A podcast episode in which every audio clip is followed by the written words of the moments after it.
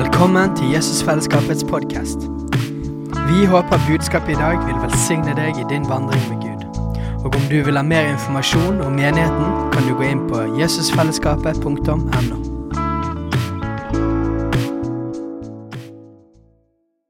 For å gi en enkel introduksjon um, Ronald er en mann vi har blitt veldig glad i. Og uh, han er en pioner. Um, det er ingen andre jeg kjenner i hvert fall som uh, når han og kona gifta seg, så samla de inn en gave i, i bryllupet for å kunne reise for å plante menighet i et område i Danmark hvor ikke det fantes noen menighet. Så bryllupsreisen og de neste månedene ble tilbrakt i telt. Han kan fortelle den historien selv. Uh, de planta menighet der, de var med og virka i et par andre menigheter. Og så fikk vi kontakt med de gjennom Veien bibelskole, faktisk. Og hadde besøk av team med team fra skolen hos de, og Ronald kom på besøk hit. Og så ville de bli utsendt som misjonærer til Polen. Kona til Ronald er polsk. Uh, og da lurte Ronald på om ikke vi ville sende de ut og stå bak de. Så Ronald og Kasha og de to barna Sebastian og Camilla var våre første utsendte misjonærer. Til sommeren er det faktisk ti år siden. Så, så det begynner å bli en stund. Og de bor og arbeider i en by som heter Lublin i Polen. Eh, og der har flere av oss vært opptil en del ganger.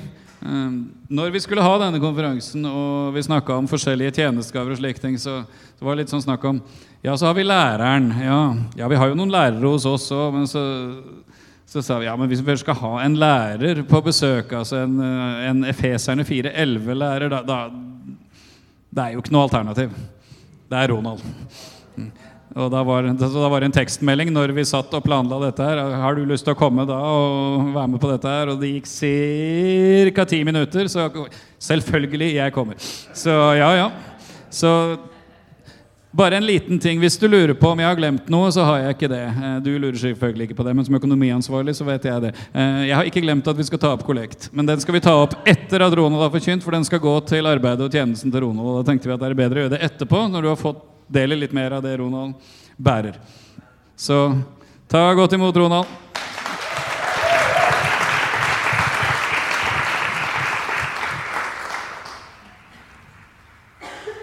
Wow.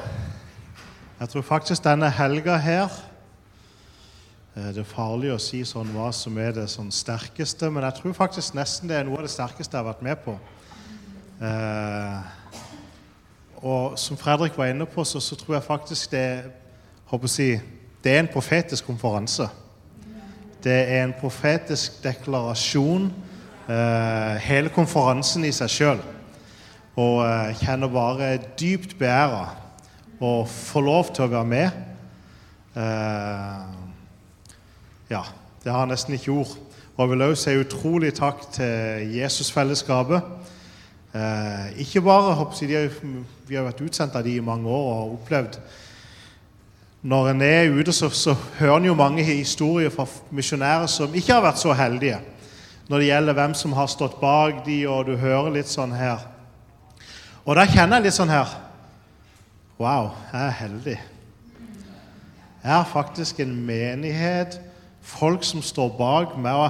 og jeg hører mange sånne her skrekkhistorier om holdt på å si, misjonærer som sliter, og menigheter som ikke vil støtte dem lenger, og, og, ting som kan skje, og det kan være mange grunner til det, så kjenner jeg bare sånn Wow!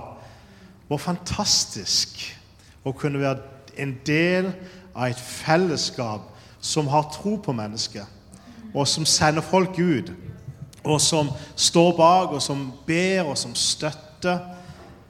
Det det er bare holdt på å si, gull verdt, ikke i gull sjøl, men i uh, på alle mulige måter. Amen. Og uh, yes, så er jeg bare kjempevelsigna. For de av dere som ikke vet sånn hvem jeg er, så uh, Fredrik har jo sagt litt allerede. Uh, vi var i Danmark i ti år, og så etter ti år i Danmark så flytta vi til Polen, hvor vi har vært med og starta to forskjellige menigheter der. En polsk og en internasjonal og vært med òg med hatt sånn her deltidsbibelskole der. Eh, og det fantastiske som Gud har gjort, spesielt de siste årene, er jo det at Lublin er en by hvor det kommer strøm fra alle mulige forskjellige land som kommer for å studere medisin, studere ja, alle mulige forskjellige ting. Eh, og det har jo gjort at plutselig så har jeg fått øynene opp fordi at ja, men vi har et ansvar. Fordi vi har en hel masse folk som kommer til Lublin, og så har vi de for kanskje tre-fire år, og så blir de sendt videre igjen. Og, og, mer og mer så har jeg skjønt at wow, det er faktisk et ansvar Gud har gjort oss ved at vi skal være der og utruste de så mye som vi kan, sånn at når de reiser videre, så reiser de ikke bare med en, si, en doktor si, i medisin, men så reiser de med en salvelse og en kraft til å kunne gjøre et forskjell der hvor de, der hvor de kommer. Eh, så på den måten så har vi fra Lublin da vært med å sende folk til Irland. sendte vi akkurat noen. Eh, til Tyskland sendte vi noen for noen måneder siden. Til, til Ghana, til Zimbabwe, eh, til Kenya har vi sendt folk som eh, ifra, Lublin. Og, og tenk wow, hvor fantastisk er det ikke å få lov til å være en del av det som Gud gjør. Amen. Og Peter han er jo nede, så han eh, han blir jo nesten regna som en sånn her papa in the house i Lublin. Tendai hun har jo reist videre nå, så hun er ikke der neste gang du kommer. Men det er mange, mange der som er glad i Peter, og òg Fredrik. det var sånn stort sukk i menigheten når jeg måtte dele at Fredrik ikke kom fordi han hadde problemer med fly sist gang. Så, så de venter veldig på besøk. Eh, og Det er fantastisk å kunne oppleve at vi kan gjøre noe der som føler at de òg har en connection her. Og det er jo det vi ønsker. At ikke det bare blir oss der nede, og så er det noen her. Nei, vi ønsker at det skal være en connection. Amen? Det er veldig mye mer jeg kunne ha, sikkert ha sagt. Òg eh, av vitnesbyrd. Kanskje siden du nevnte det med teltet Det pleier jeg egentlig ikke sånn å si. Eh, men, men, jeg kan bare sånn nevne si det veldig sånn kort. Eh, det var fantastisk når vi kom til Danmark. Så kom vi jo til en by som ikke vi Jeg hadde, vi, jeg hadde vært der en gang før. Da hadde vi hatt en kampanje der med Euromission. Og det var den verste kampanjen jeg har vært med på i hele mitt liv. Eh, bortsett fra selvfølgelig første dagen vi var der, så fikk vi be for alle som var der. Og hun var en healer. Det vil si det var én person som var på møtet. Men vi fikk bedt for alle som var der, iallfall. Og, og det var jo herlig. Og eh, vi hadde gatemøte si, nesten hver eneste dag, og det var kjempekaldt. Jeg vet ikke om du har prøvd å spille gitar i kulda. Yes, eh, du kjenner, du kjenner min smerte. det var kaldt, og det var vondt i fingrene, og det skjedde bare ingenting. Eh, og på det tidspunktet så var jeg ikke gift med Kasha. Eh, men eh, jeg ringte jo, vi var jo sammen, så jeg ringte jo til henne og på en måte ringer til henne og sier du, jeg vet hvor vi skal flytte når vi gifter oss. Eh, og det forteller litt om hun at hun sier ja. Etter de tingene som jeg delte om, at her er det, her er det ikke mye som skjer. Men, men, hun sa ja, så vi hadde vår bryllupsreise der. Og den, ja, de første uka så hadde vi faktisk et sted å bo fordi vi hadde fått lov til å låne et hus i ei uke. Men eh, så etterpå det så fikk vi låne et sånn her hustelt. Så det første møtet vi hadde, det var faktisk i et sånn her eh, jeg vet ikke om Kanskje noen av dere husker de her husteltene fra 70-tallet. Sånn der sterk oransje farge, sånn firkanta eh. Der hadde vi de første møtene, og det var herlig. sånn i sånn, jeg tror når vi kom sånn slutten av september, så var det ikke så herlig lenger. Fordi at Da begynte det å bli kaldt, og det blåste. og jeg husker Den ene natta så trodde jeg nesten at teltet skulle blåse av sted. Eh, og vi var, kom der at vi tenkte ah, Nei, nå reiser vi hjem. Og så eh, er vi hjemme eh, til vi har funnet et sted å bo, og så kommer vi heller ned igjen. Eh, så mens vi står eh, Nei, rett før vi begynner å pakke ned teltet, så kommer ei dame og sier at eh, jeg har funnet et sted dere kan låne for 3000 kroner i måneden. Og vi sier om det er fantastisk, men vi har ikke 3000 kroner i måneden. Så eh, det er på en måte Så tusen takk, men det går ikke. Så mens vi holder på å pakke ned, så plutselig så får vi 3000 kroner fra ei dame som jeg aldri jeg har aldri møtt henne. Jeg kjenner henne ikke. Men hun kommer og gir oss 3000 kroner. Jeg tenkte, Det er jo ikke sånn som skjer sånn helt, helt sånn Det er ikke vanlig når jeg er på telttur i Danmark at uh, folk kommer og gir meg. Og vi bare skjønte ok, Gud, du vil ha oss iallfall én måned til. da. Så, så da tar vi én måned til. Og så, så, ser vi hvordan det går, og vi fikk bo der en måned. Jeg tror vi bodde der et par måneder. Og hvordan vi opplevde at Gud måned for måned bare forsøkte. Det vi, hadde. vi hadde ikke den støtten som vi trengte, men jeg har en veldig god far. Og når jeg lurte på om vi skulle våge å gå, så sa han til meg, Ronald, hvis du skal gjøre noe for Gud, så må du lære deg å gå i tro. Så uh, off you go. og det er jo herlig med sånne foreldre som, uh, som, våger å sende barna av gårde i tro. Og det er jeg veldig takknemlig for. Amen. Men uh, jeg ønsker å komme inn på, på, på det som jeg ønsker å dele. Og Denne helga har jo handla om dette her med tjenestegavene. Og det skal vi selvfølgelig fortsette på nå. Og kanskje bare sånn for å begynne med, så tror jeg vi skal ta og lese det verset fra Efeserbrevet 4, 11-13. Eh, jeg er jo sånn at jeg syns det er veldig viktig med Bibelen. og sånn her, Så jeg liker å lese hele skriftstedet og sørge for at på en måte alle får det med seg. og sånn. Så, så det må du heller bare bære over med. Eh, jeg kan også si at eh, notatene eh, Jeg tror Fredrik skulle ordne at de kunne bli sendt til de som ønsker det. Så hvis du, hvis du ønsker notatene, så kan de bli sendt til det hvis det er i gruppe eller et eller annet. Yes, Så da kan du, eh, hvis du vil ha notatene der. Men eh, la oss lese Efeserbrevet 4, 11-13. Eh, vi skal lese mer senere, men vi leser de versene først. Og det var han som ga noen til å være apostler, noen til profeter, noen til evangelister og noen til hyrder og lærere, for å utruste de hellige til tjeneste på, eh, så Kristi kropp bygges opp inntil vi alle når fram til enhet i troen på Guds sønn og i kjennskap til ham, og blir det modne mennesket som er fullvoksent og har hele La du merke til det? Hele Kristi fylde. Det er en sånn, når jeg leser det hele Kristi fylde, så tenker jeg wow. Altså Når Jesus var her på jorda, så var det ikke noe tvil om at ryktet spredde seg. Han kom inn i en by, folk ble helbreda, døde ble reist opp, blinde begynte å se, eh, demoner begynte å manifestere seg. Jesus trengte ikke å drive en sånn PR-kampanje for, for, at folk skulle komme. Fordi at han kom med noe som bare Overalt hvor han kom, så var det bare Folk blir bare sugd til det. Og det er klart Vi ønsker å komme der.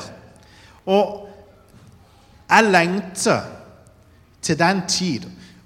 Og det er det som jeg synes mange Når de snakker om de siste tider, så er det sånn her eh, doom and gloom og, og alt mulig sånn. Og det kan godt være at, eh, at det hører med. Men, men det, som jeg, det, som jeg, gleder meg mest fordi det står at disse gavene de er gitt i menigheten fram til noe. Fram til vi har nådd fram til enhet i troen. Har vi kommet der ennå? Jeg tror vi kan være enige om at det, det, det, har vi ikke helt kommet ennå. Fram til, til troen på Guds sønn, kjennskap til ham, til det modne mennesket som er fullvoksent og har hele Kristi fylde. Jeg tror på en menighet som kommer til å virkelig være med og dra ned Guds nærvær i den siste tid. Ikke en menighet som kommer til å være svak og, og gjemme seg i hjørnet. En menighet som kommer til å bare sitte der og nesten sånn der, bare vente på at Jesus kommer igjen, sånn at ikke de dør helt ut før Jesus kommer. Nei, jeg tror på en menighet som skal romme fylden, hele fylden av Kristus. Og det kommer til å bli spennende. Fordi at Da kommer du til å høre om helbredelse på gata. Da kommer du ikke bare til å høre om dårlige kne, som, som vi håper å si, helbreda på Oasen senter. Da kommer du å høre om folk som blir reist opp av rullestolen på Oasen senter. Folk som blinde som begynner å se. Ikke, ikke, bare en hodepine som forsvinner. Og det, er jo bra at en hodepine forsvinner. Ikke, ikke misforstå meg. Men, men det er noe mer som Gud har for sitt legeme.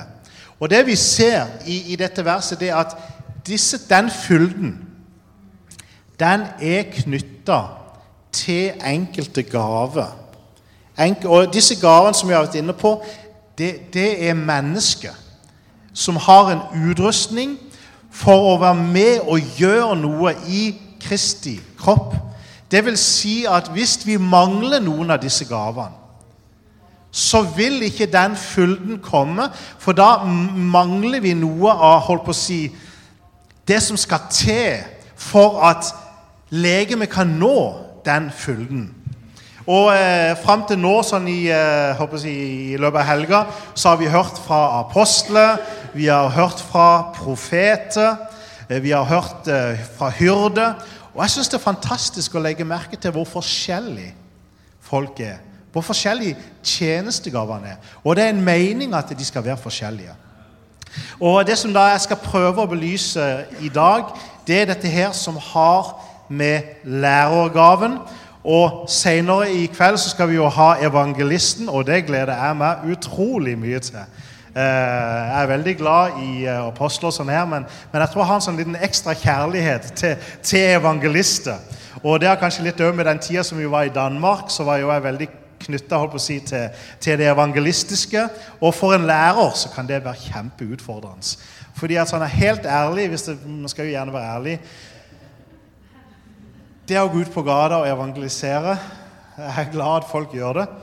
Men, eh, men det er virkelig en sånn her tårn i kjødet for meg å, skulle gjøre det. Men jeg gjør det. Og jeg kjenner at det er godt å bli strukken. Og, og, jeg kjenner jo det i, i Danmark. holdt på å si, når, når, eh, eh, når, jeg begynner for Noen av dere som kjenner meg, så vet jeg jeg jobber litt med Torben. Og når jeg kom på en måte han som på en måte er bare ut på gata og det er sånn her, og jeg bare kjente sånn hver dag Det var sånn her Å, hjelp! Der, der kom den bønna fram. Og, eh, men, men, det var godt å bli strukken.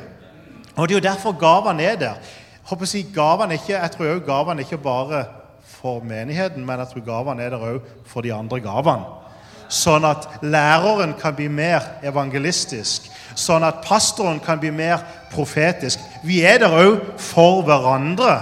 Nå, nå, er det, nå, er det, godt at jeg ikke er som Svein. Men, men jeg må òg lære for han og prøve å dra ut av han det som han har, sånn at det kan få lov til å være med og vokse òg i mitt liv. Så, men eh, nå skal vi jo se på, på lærergaven, da. Og jeg har prøvd sånn å Man prøver jo gjerne å sånn, definere hva ting er. og det, det, kan jo være litt farlig. Men, men, jeg har prøvd å definere lærergaven egentlig som en eh, Det tror jeg har på veggen, faktisk. ja. Eh, lærergaven er, er en som har en guddommelig evne til å hjelpe og Legg merke til de tingene jeg sier her. Til å hjelpe folk til selv og ta til seg Guds ord på en måte som gir Kristus form og substans i deres eget liv. Og, og det, er ikke, det, er ikke, Jeg vil at dere skal legge merke til, til en del ting her. Det er en guddommelig evne. Så, så, det er ikke sånn som, som jeg har vært inne på, det er ikke sånn at jeg kan tenke å, jeg ønsker å bli lærer. Eller jeg ønsker å bli profet. Eh, apostel, det høres kult ut. Eh, er det en skole jeg kan gå på? De har jo profetskole, da, så jeg vet ikke hvorfor ikke de har apostelskole. men uh, Det er kanskje et annet spørsmål. Men, men, men, dette her er jo ikke noe som du bare, bare håper å velger at det har Nei, det er en guddommelig gave som er gitt til enkelte personer. Det har ikke noe med at de er noe spesielt i seg sjøl, men det har med at Gud har en jobb som han trenger å gjøres, så han velger noen. Og Jeg tror ikke det er noe sånn, jeg tror ikke Gud sitter og ser hvem er det som er kvalifisert. Nei, nei, Han bare finner noen som han kan bruke og så, så, velger han de. Og så får de en guddommelig evne til å hjelpe folk. Ikke til å fortelle de alle svarene. Og, Det er derfor jeg vil du skal legge merke til Men å hjelpe folk til å skifte sitt mindset, sånn at de sjøl finne ut av hvordan de kan ta til seg Guds ord, sånn at ikke de trenger å ringe til læreren for å få svar på alt mulig. Men sånn at de har lært, sånn at man, man gir en evne til folk, sånn at de sjøl begynner å finne ut av ok, hvordan er det jeg drar ut dybdene av Guds ord. På en måte, og her er dette her òg ikke sånn at du skal bli en eller annen sånn her teolog. Nei, målet er at Kristus skal få form og substans i ditt eget liv.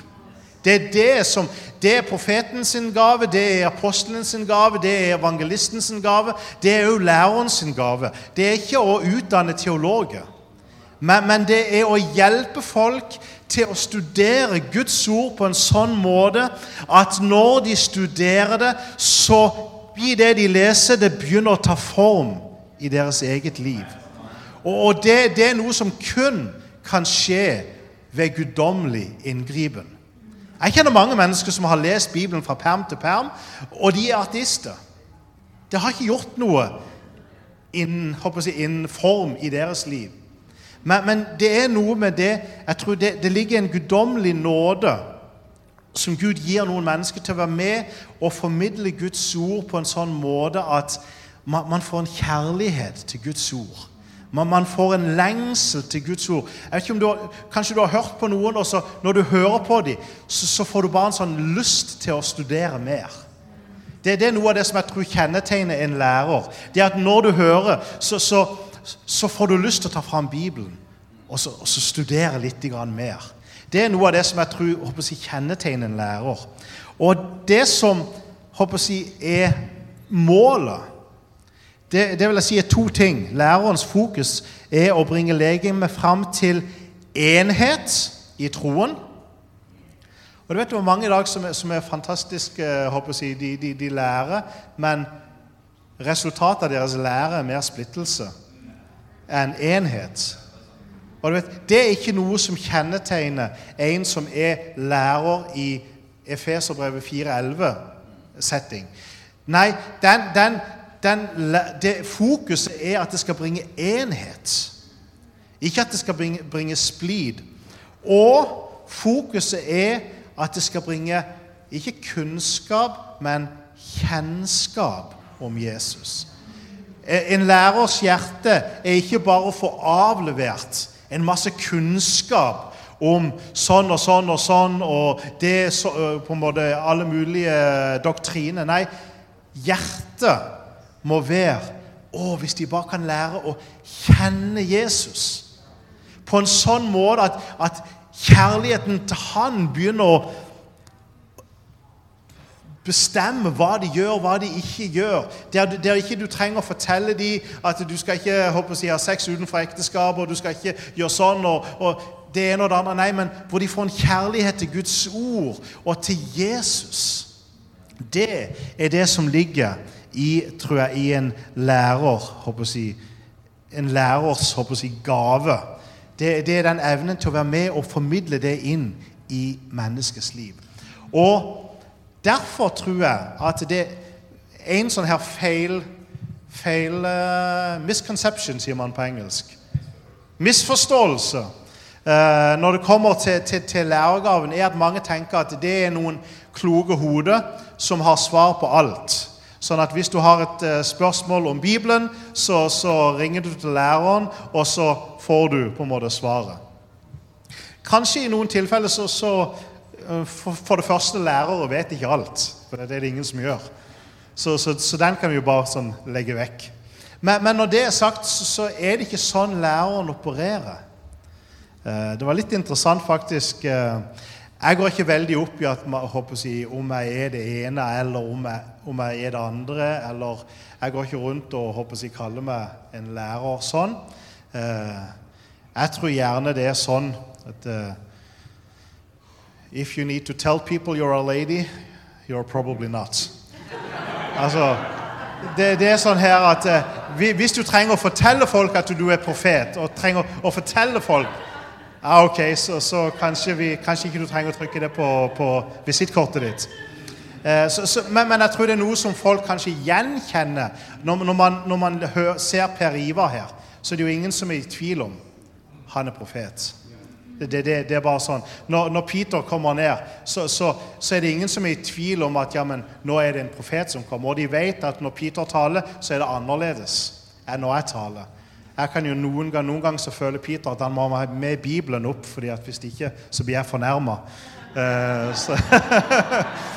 men, men, men det, er litt, det, er jo, det, er jo fantastisk at vi er forskjellige, og at vi, og at vi tåler å ære Tør å ære hverandre for forskjellighetene. Uh, men, men uh, jeg var, sist jeg var i Danmark, så var det faktisk en som kom til meg. og så og så, så, delte han sånn litt fordi vi hadde vært mye sammen for lenge siden. Og nå er det jo, begynner det jo, nå er det faktisk ti år siden vi var i Danmark. Så vi drev sånn litt og mimra over tida. og mange, mange, gode minner. Og så sa han ja, men Rona, det var én ting som gjorde meg veldig irritert med det.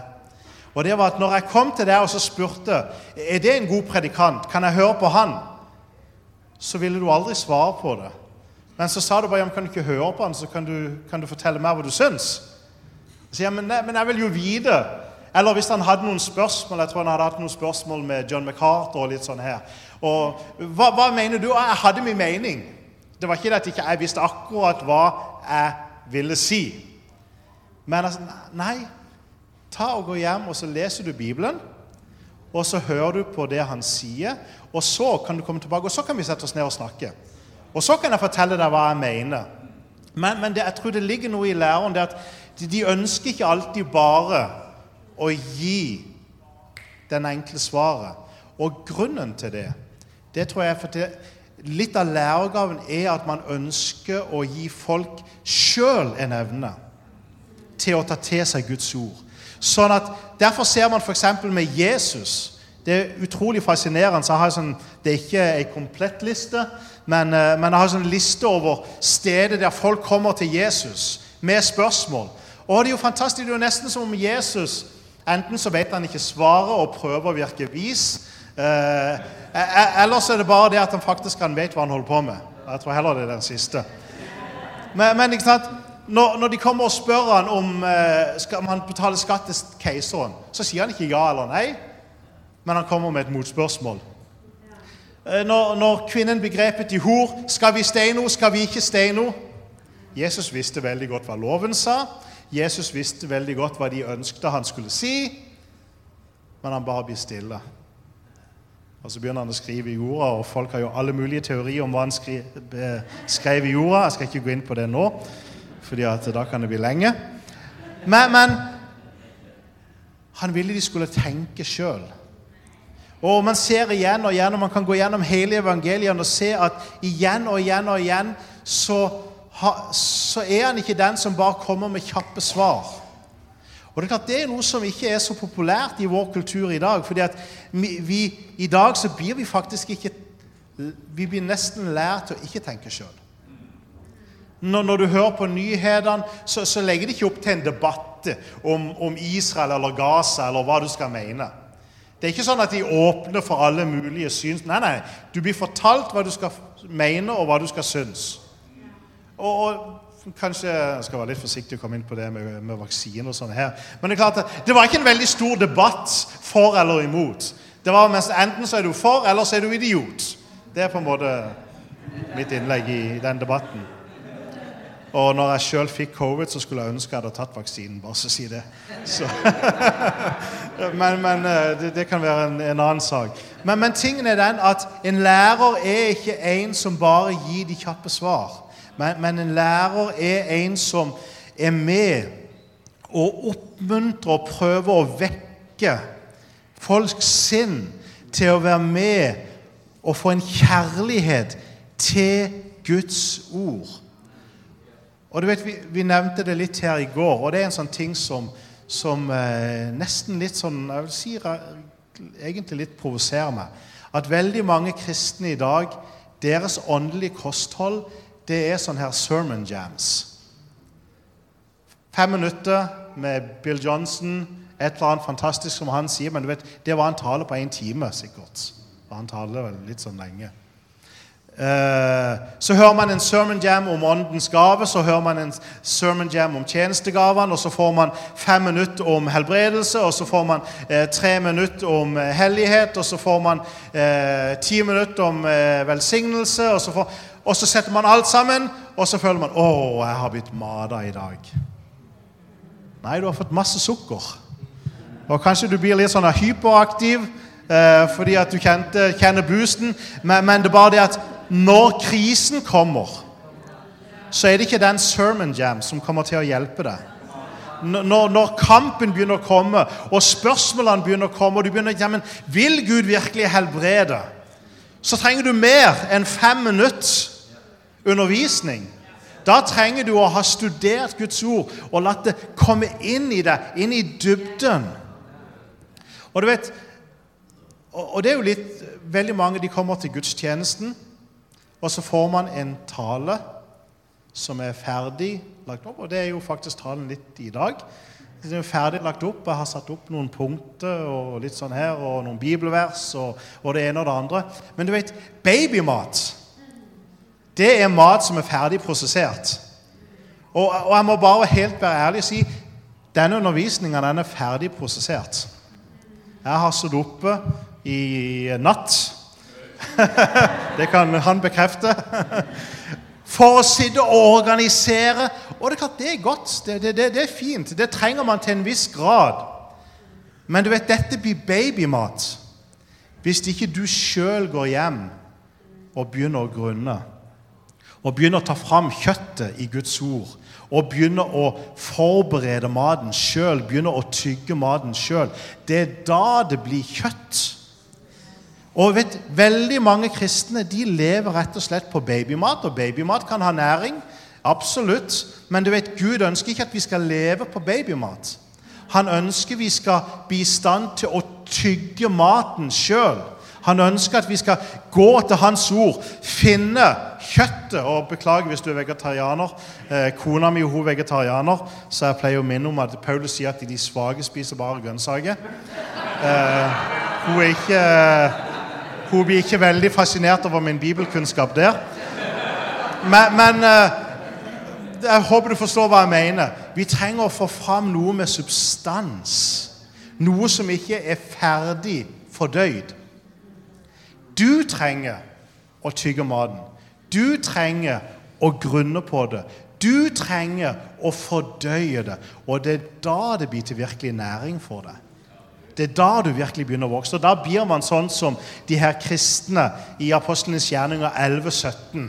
Berøa. Mange har jo valgt menigheten, kaller menigheten sin det. Det er flott, men det hjelper ikke nødvendigvis om du kaller menigheten det, hvis ikke du gjør det samme så, som de gjør. Men her har du Paulus sjøl. Kom Paulus med kjøtt, eller kom han med babymat? Jeg vil jo gjerne tenke at Paulus kom med kjøtt. Ab- Absolutt. Men her har du folk som Selv når Paulus kom, så var ikke det bare at de svelgte det rått. Nei, da gikk de hjem, og så måtte de grunne i Skriften daglig. Jeg liker det det står 'daglig'. Alf Kåre var inne på det med, med daglig. Daglig lese Bibelen. Det var noe med det. De hørte noe, og det var ikke det at de var kritiske. De sa det ikke sånn her Nå, ja, ok, skal jeg sjekke Jeg vet ikke helt om dette her er Guds ord. De var ikke kritiske, de var åpne. Men selv om de var åpne, så gikk de hjem, og så grunna de på det, og så undersøkte de, så så de Yes, dette stemmer. Dette tar vi imot. Og det er jo sånne vi ønsker å være. Amen? Vi ønsker å være folk som tar til oss kjøttet i Guds ord. Og kjøttet i Guds ord det får du ikke her på en søndag. Selv om det kan være fantastisk undervisning her på søndag. Kjøttet det finner du hjemme. Eller når du setter deg sammen med noen venner eh, på McDonald's. Fantastisk det å ha bibelstudie i McDonald's eller andre steder. Eh, absolutt å anbefale, men, men det er der du finner kjøttet. Det er når du sjøl åpner og sjøl begynner å kikke gjennom hva Bibelen sier om forskjellige ting. Sjøl begynner å grunne på det. Sjøl prøver å tenke ut hvordan skal jeg få formidla dette til andre. Da er det det blir til kjøtt i det. Eh, I dag så er det jo veldig mange Man kan gå på YouTube og så kan man hente et hav av undervisning. Altså, på, på YouTube så kan du jo få så mye undervisning at du sannsynligvis ikke kommer til å bli ferdig eh, om du sa dag og natt. Men litt av det som jeg tror ligger i lærerens hjerte, det er ikke bare å gi en hel masse undervisning om så mange som mulige emner som mulig. Litt av det som jeg tror ligger i tjenestegaven til, til, til læreren, er med det å keep the main thing the main thing. Læreren er litt sånn som, som Steinar var inne på.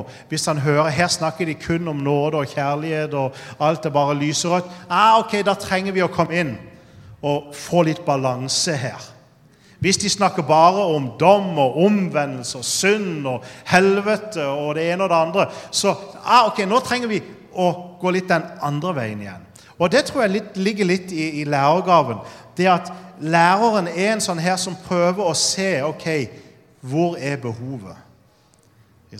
Og klart, for, for min del når jeg leder menighet, så, så har jeg sånn et helt årsskjul hvor jeg ser ok, vi har undervist om det i år, og det og det og det og det. Og det. Og så kommer jeg til neste år og så ser jeg ok, det emnet det trenger vi faktisk å ta igjen. ok, Så, så det på en måte setter jeg inn der. Og så, nei, Vi har faktisk ikke vært inne om kanskje eh, arbeid og hvor, kristens forhold til arbeid. Ok, Jeg må sørge for det inn. Hvorfor? Fordi jeg ønsker at det skal være en helhet. Og så er det klart, så, så innimellom så, så kan jeg invitere andre som kommer inn, eh, folk som kommer inn og taler, som Peter og Fredrik. Og så kan de være fri, og så kan de gi ut sukkertøy. og... Eh, nei, jeg sier ikke at det er sukkertøy, men, men, men ikke sant? Da, da kan de komme og være fri. Og, men så er det litt som på en måte, som far i huset, Det er alene som jeg sørger for at de får og- og grønnsaker. Så, så jeg trenger å sørge for, så kan jeg sørge for at de får på en måte litt den der hele bredden. Og så kan heller andre komme inn og så gi det her spennende. Jeg håper jo selvfølgelig at, eh, at folk, Nå vet jeg jo at folk ikke folk elsker undervisning i, i Polen, ikke det, så ikke misforstå meg. Men, men jeg håper dere skjønner hva jeg mener. Eh, jeg ønsker å lese 2. Korinterbrev 11, 2-3. Og her ser man litt en lærers hjerte. Korintermenigheten var jo en menighet som Paulus hadde starta, men som hadde fått, hadde kommet inn lærere fra forskjellige hold som kom med forskjellige ideer og forskjellige tanker, og det ene og det andre. Og så sier han For jeg vokter dere med Guds brennende sjalusi. Vet du, derfor Noen ganger så kan kanskje lærergaven virke litt kritisk og virke litt sånn her. Det, det er ikke fordi at ikke de, det er ikke, ikke fordi at ikke de elsker menigheten, men, men de har en brennende sjalusi noen ganger. Jeg har lovet dere bort til Kristus, og bare til ham, for å føre dere til ham som en ren jomfru. Jeg er redd at slik slangen narret Eva med sin list, skal også deres tanker bli ført på avveie, bort fra den oppriktige og rene hengivenhet til Kristus. Åh, jeg bare elsker den siste setninga. Oppriktig, rene hengivenhet til Kristus. Men du vet, hvis du går på YouTube i dag, og på YouTube i dag så er det veldig mye fantastisk undervisning. Men du vet òg det er veldig mye undervisning som kan høres spennende ut, og de har gravd seg inn i noen voldsomme ting og tang om det ene og det andre, og, og man føler seg kanskje sånn litt smart når man begynner å på en måte ta til seg det. Man, man lærer å si, noen sånne ord eh, om hva ting betyr på gresk, og litt sånn her. Så føler man litt at ok, jeg er faktisk litt smart. og sånn, så får man Men så mister man litt denne her oppriktige, rene hengivenheten til Kristus. Og det er litt av det som, er, som jeg tror ligger i lærergaven. Det er en nidkjærhet for at menigheten skal bevare denne her rene hengivenheten til Kristus. Og Det betyr ikke at ikke man ikke kan undervise om kanskje andre ting som, som ikke er the main thing, men hele tida må vi sørge for at the main thing blir the main thing. Eh, Jeg sa i går at En god oppskrift på vranglære, det er å gjøre litt av sannheten til hele sannheten. Jeg tror på økonomisk velsignelse, men når alt blir økonomisk velsignelse, så blir det feil. Selv om det er sant. Jeg tror på nåde. Jeg tror på at Gud er kjærlig. Men når alt bare blir nåde, nåde, sukker, søtt, lyserødt, eh, alle de her pastellfargene, så, ja, så blir det jo feil. Jeg er klar over at Gud han er en dommer. Og i Bibelen så står det faktisk mange ganger at Gud ble vred. Men vet, hvis alt bare blir Gud er vred, og Gud er sint, og Gud kommer til å dømme synder, så, så, blir det feil. Og der er jo der lærergaven kommer inn. Og eh, Du nevnte en som hadde sagt dette her med at eh, eh, sannhetene de står ofte i spenn med hverandre. Hvordan var det du sa det? True intention, ja. Sånn at nåde, sånn som Guds ord er bygd opp, det må stå i spenning til sannhet. Hvis, hvis du fjerner den, så, så mister du noe. Du, du, trenger det spenningsfeltet mellom nåde og sannhet. Jeg tror på helbredelse, men Bibelen snakker også om lidelse. Og jeg trenger det spenningsfeltet. Og der tror jeg lærergaven kommer inn noen ganger og justerer litt. Grann. Tenker, nei, Her trenger vi å justere spenningsfeltet, sånn at det blir en rett balanse mellom de forskjellige delene i Guds ord. Fordi at du, Hvis du ønsker å elske Gud Det er ikke sånn at jeg kan si til kona mi at uh, uh, jeg elsker at du lager mat, så jeg gifter meg med lager mat-delen din. Nei, du kan, du kan, ikke gjøre det. Altså, Når du gifter deg med noen, så gifter du deg med hele personen. For good and for bad. Med Gud så er det ikke noen bad side, da. Men, eh, men sånn er det med Gud. Det er ikke sånn at jeg kan si at 'Gud, jeg elsker din kjærlighet'. Men, men jeg vil ikke ha så mye med denne med dom og sånn. Det, det, det, vil jeg ikke ha. Nei, nei, nei. Hvis du elsker Gud, så elsker du Gud for alt han er. Og så begynner du å se faktisk også at selv hans dom er et uttrykk for hans kjærlighet. Fordi at Hvis ikke Gud var rettferdig, så hadde han heller ikke vært kjærlig. Man, det er ikke sånn at jeg kan velge å si jeg liker den av Gud, så derfor vil jeg ha den. Men, men, jeg liker ikke å høre Nei, nei, nei. Læreren kommer inn og sier nei, nei, nei, vi trenger å, å få et helt bilde av Gud. Og så trenger vi å lære å elske òg den sida som har med Guds rettferdighet. Elske faktisk òg den sida som har med Guds dom. Man tenker, Går det an? Ja. Når du begynner å lære Gud å kjenne, så Plutselig så blir de tingene som kanskje virker vanskelig og tungt og tenker, ah, nei. Når du da begynner å lære og ser Guds hjerte, så ser du Wow. Ja, det er jo faktisk selv, selv Guds rettferdighet og Guds dom er vakker. Fordi du begynner å lære Han å kjenne. Ikke bare som en teori, men som en person. Og det er det vi ser med Paulus. Han hadde denne her nidkjærheten for å bevare enkelheten i troen.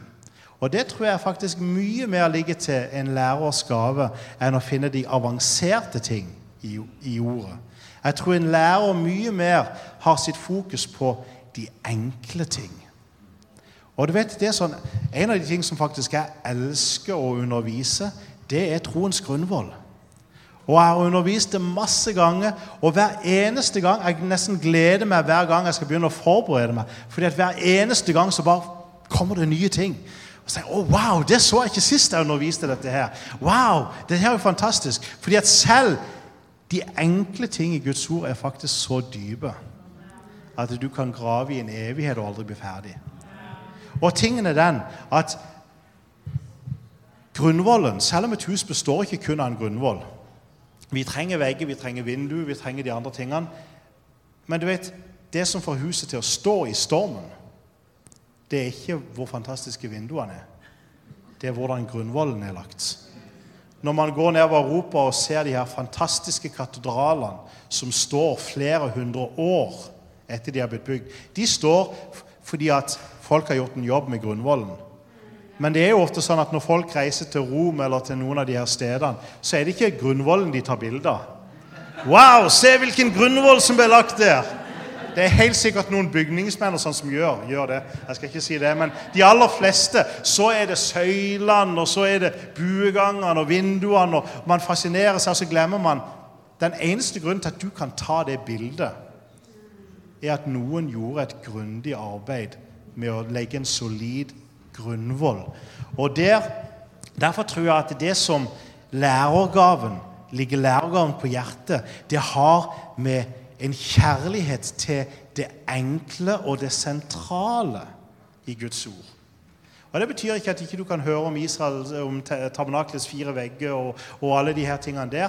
Og de, I dag så ser man jo ofte sånn tendenser til at folk kan bli veldig fascinert av enkelte ting. Og jeg elsker Israel. Men for med Israel så er det mange som blir så fascinert av, av hebraiske, jødiske høytider og hebraiske ord og det ene og det andre. og Det er nesten sånn at det blir ikke vekkelse hvis ikke vi holder sabbaten. Og det er fint å holde sabbaten. Jeg vil gjerne holde sabbaten og søndagen, for da får man to dager. Så, så, så jeg sier ja takk, begge deler. men, men ikke sant? Det er ikke det som kommer til å bære deg gjennom når stormen kommer. Det som bærer deg gjennom, det er grunnvollen. Og Derfor er det så viktig å keep the main thing the main thing. Og jeg tror faktisk at i den tid vi lever i, så kommer faktisk lærergaven til å være en utrolig viktig gave. Hvorfor? Fordi at det er så mange røster som roper og som har fått noen åpenbaring om det ene og åpenbaring om det andre. Og kanskje det kan være noe sant i det. Men hvor er balansen? Og Der tror jeg lærergaven Paulus sier til Timoteus, ånden, 1. Eh, Timoteus 4.1-2 Ånden sier med klare ord at i de siste tider skal noen falle fra troen. De skal holde seg til ånder som fører vill, og til demoners lære, fra løgnaktige hyklere med avsvidd samvittighet. Det er de siste tider han snakker om her. Og Man kan diskutere når Jesus kommer igjen, men, men jeg tror Jesus kommer snart. Og så kan du legge det, det, det du vil, men, men, jeg tror han kommer snart. 2. Timoteus 4, 3-4. For det skal komme en tid der folk ikke lenger tåler den sunne lære. Så kan vi tenke men hvordan er det i dag? Tåler folk sunn lære? Men skaffe seg den ene lærer, læren etter den andre, slik de selv finner for godt. Stemmer ikke det litt med i dag? YouTube, ja, riktig. Og det er Noen ganger så blir han faktisk skyldig sjøl. Man begynner å høre det. Nei, det gidder jeg ikke å høre. Fram med Bill Johnson istedenfor. Eller et eller annet. Slik de selv finner for godt, for de vil ha det som klør i øret. De skal vende øret fra sannhet og holde seg til myte. De vil ha det som klør i øret. Du vet, jeg, For en tid tilbake så var det noen som spurte meg om dette her med balansen mellom, mellom nåde og lov. og sånn her. Og eh, Så begynte jeg sånn å tenke litt på det. Så jeg tror faktisk måten du vet om du har gått for mye over i nåde, det er når du blir ukomfortabel når du hører om lov. Da vet du OK. Måten du vet om du blir, har gått for langt over i dette her med lov og synd, og det er når du blir litt ukomfortabel. Når du begynner å høre om Guds fars hjerte og Guds kjærlighet. Da vet du å, nå må jeg, nå må, jeg, jeg må innrømme jeg har vært i begge grøftene. Jeg må innrømme det noen ganger hvor, hvor, dette her med Guds kjærlighet har blitt så stort for meg at jeg nesten sånn, jeg begynner, begynner, å reise når jeg begynner å høre om noen snakke om noe annet. Og så kanskje jeg har blitt så fascinert og fått lys over dette her med å bruke loven til å hjelpe folk til å se evangeliet. Så når folk begynner å snakke om Guds kjærlighet, så kan jeg ah, nei, nå trenger Så tenker jeg, Hvor er mitt eget hjerte? Er det sånn at jeg blir provosert når jeg hører om Guds nåde? Eller at jeg kjenner meg ukomfortabel? Ah, ok, Da trenger jeg justere meg. Er det sånn at jeg blir ukomfortabel når folk begynner å tale om at Gud dømmer synd? Ah, ok, Kanskje det er et tegn på at da trenger jeg Sånn at jeg kan høre begge deler og si Yes, amen. Gud er nådig. så kan jeg si yes, amen. Gud er en rettferdig Gud som kommer til å dømme synd. Og jeg vet at han har full kontroll på hvordan det skal skje. Og jeg trenger ikke engang å bekymre meg for det. Jeg kan si ja takk, begge deler. Og så kan jeg sørge for å holde det sentrale sentralt. Er ikke det fantastisk? Jeg syns det er deilig. Det er jo der vi ønsker å leve. Eh, ja, jeg skal prøve, for nå ser jeg klokka faktisk opp i to her, og jeg er ca. halvveis. det er jo derfor det er lurt å finne notatene, for da kan du finne en hel masse ting som jeg da ikke får sagt. Uh, hjemme når jeg sier at uh, I, want speak, uh, I, want to speak, short today, så begynner folk å le. Så det Første Korinterbrev 3, 9-11. Hvorfor er lærergaven viktig? Paulus sier i 1. Korinterbrev 3, 9-11.: For vi er Guds medarbeidere, og dere er Guds åkerland, Guds bygning. I kraft av den nåde Gud har gitt meg, la jeg grunnvollen som en klok byggmester. Og så legger jeg merke til at han sier en annen bygger videre. Det er ikke tilfeldig. En annen bygger videre. Paulus hadde lagt en grunnvoll, men selv Paulus skjønte nå har jeg gjort min jobb her, nå må en annen komme. Men hver enkelt må være nøye med hvordan han bygger. Og Så går han videre og så snakker man at Kristus er grunnvollen. Og Det er klart, det er jo fantastisk. Apostelen kan ha den perfekte tegning og blueprint. og bare videre, Se det store bildet og se de her voldsomt Nesten sånn dere kan se for inn i hodet. Så bare ser de hele tegninga lagt ut. Og det kan være fantastisk. Men du vet, du kan ha den perfekte tegning. Men hvis ikke du har byggematerialene, så kan den tegninga være så god han bare vil. Men du kommer ingen vei. Og Sånn er det ofte i dag. Det er mange håper jeg, apostoliske tjenester som har hatt fantastisk innsikt i hvordan menigheten skal bygges, og hvordan den skal se ut, og hvordan dette her apostoliske teamet skal fungere. Og de har hele tegninga. Helt til de skal ha inn uperfekte mennesker i dette her systemet. Da plutselig så rakner det perfekte systemet fordi man hadde ikke de riktige bygningsmaterialene. Og Der tror jeg læreren har en funksjon. Apostelen har tegninger, han ser bildet, han får guddommelig innsikt. Profeten kan være med og stake. Her skal vi begynne, og dette skal vi gjøre. Evangelisten kan gå ut og hente inn steinene. Men så trenger man en lærer som begynner å hakke litt. Og Da begynner det ofte å gjøre vondt, så da er det greit å ha en pastor som kan komme og klappe på skuldra sånn at, uh, når, når, det begynner å gjøre vondt. Men vet, disse gavene hører sammen. Og vi trenger lærergaven, for hvis det perfekte byggverket skal bli reist, så trenger vi levende stein som faktisk må bli hogd til og tilpassa. Tilpassa hvem da? Tilpassa hverandre. Fordi at Når du har en mur, sant, så ligger det masse stein der. Men alle de ligger ved siden av hverandre. Noen ligger over hverandre, og sånn er det i Guds menighet. Det er ikke flat struktur. Ja, innenfor Gud så er vi alle brødre. Men du vet, vi må slipes til sånn at jeg kan stå side om side med Steinar uten at det er gnissende der. At det, det, at det, er en rett kant der. Jeg må kunne stå side med side med Alf Kåre uten at det er konflikt der og kamp der. og Vi må ha enhet i troen. Det er jo det som er litt av fokus. ikke sant? Og Der har lærergaven en funksjon med at han kommer inn og sliper til disse byggematerialene, disse levende steinene. Lærergaven kommer inn der og, og filer kantene. Og så kan han komme til apostelen og si her her er stein, her er bygningsmaterialet. Og så kan apostelen begynne, og profeten kommer på banen, og evangelisten kan komme, og hyrdene kan, og så kan man sette dette sammen til et fantastisk byggverk. Men du trenger noen som sliper steinene. Og det kan noen ganger være kanskje litt smertsomt, og derfor tror jeg kanskje ofte at lærergaven har blitt sett på som, som kritisk. Som, men det er ikke fordi vi er kritiske, det er fordi vi filer. Vi, vi ser ah, der er det en hakk, den, den er litt for høy. Hvis du skal fungere her, så den må slipes ned. Og det er ikke fordi du skal bli mindre av deg sjøl. Nei, det er for at du skal bli alt det Gud hadde tenkt du skulle bli. Amen. Paulus han har det hjertet i Jeg liker hvordan han sier i Galaterbrevet 4,19, og nå går jeg fort gjennom her. Galaterbrevet 4,19, han sier 'mine barn, som jeg igjen må føde med smerte' inntil hva?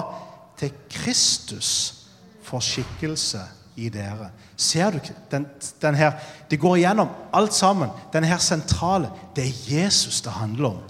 Det er han vi skal bli mer og mer lik.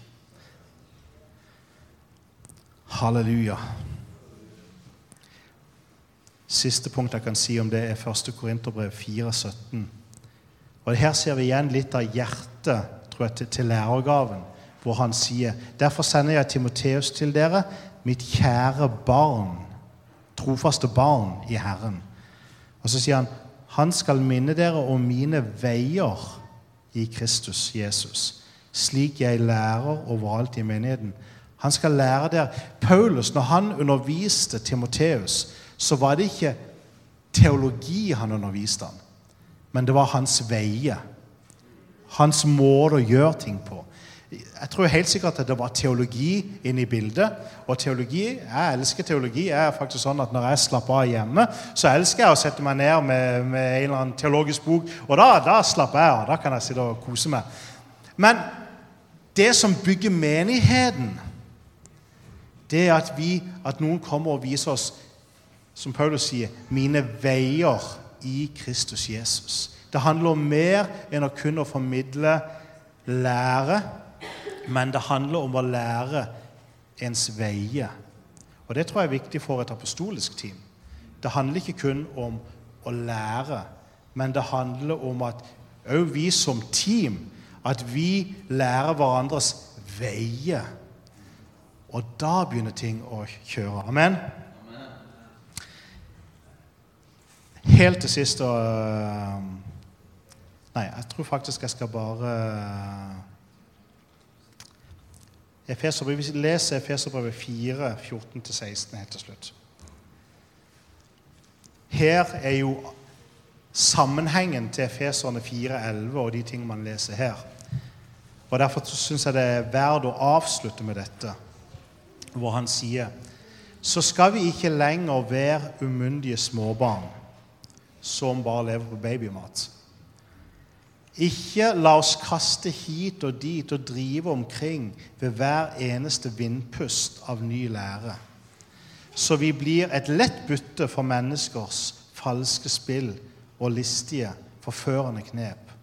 Men vi skal være tro mot sannheten i kjærlighet, og i ett og alt vokse opp til Han, hvem? Jesus, Kristus, som er hodet ut fra ham blir hele kroppen sammenføyd og holdt sammen av hvert bånd og ledd, alt etter den oppgave hver enkelt har fått tilmålt. Så kroppen vokser og bygges opp i kjærlighet.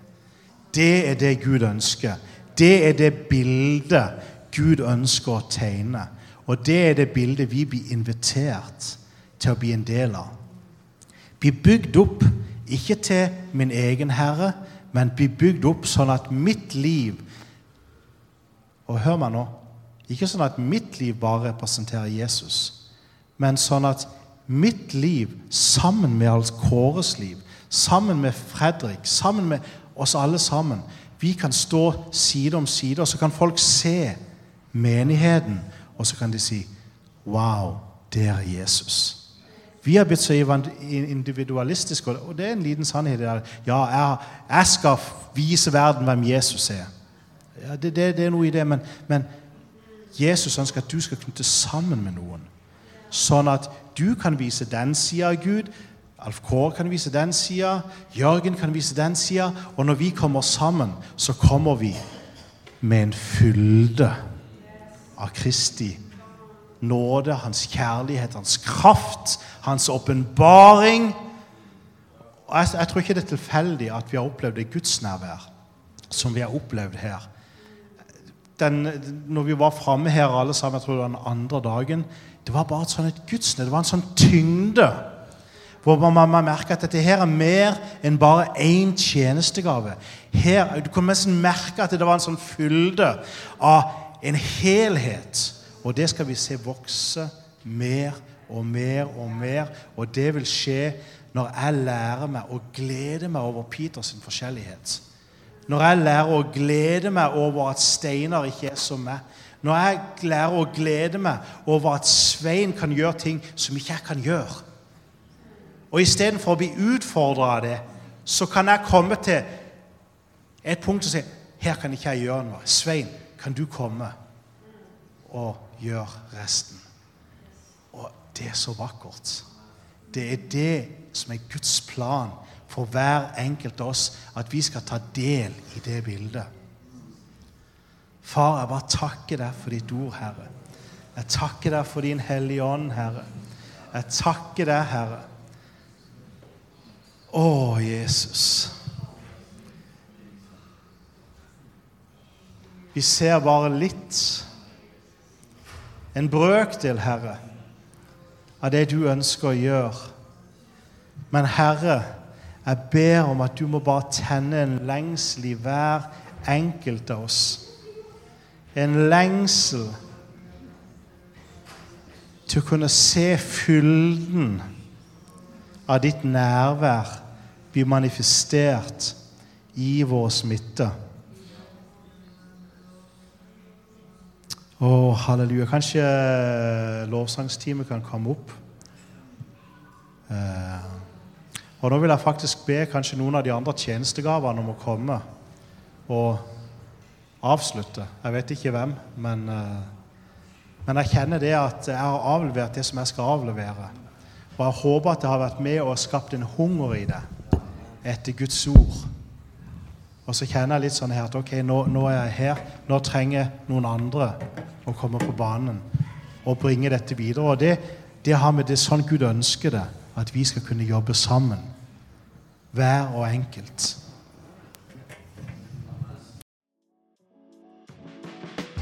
Hei, alle sammen. Det er Katrine og Steinar Lofnes her. Vi er hovedledere for Jesusfellesskapet. Så kjekt du har lyttet til denne podkasten. Har du forresten hørt noen av de andre podkastene våre? Ukens tale, Disippelskolen, Hyrdepodden, Kulturkrigen og Mammas hjerte. Du finner disse podkastene på Spotify, Apple Podkaster og på nettsiden vår jesusfellesskapet.no.